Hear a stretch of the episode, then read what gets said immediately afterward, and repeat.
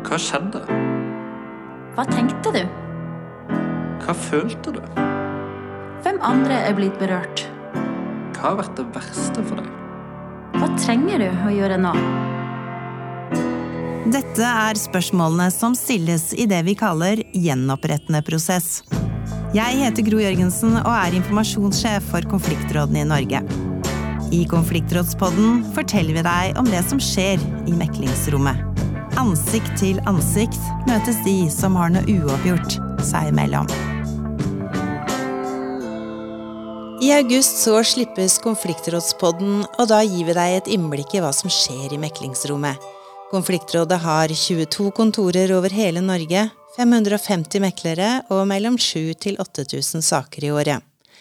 Da handler det om tyveri, vold, nabokonflikter, mobbing og mange andre sakstyper, både straffesaker og sivile saker.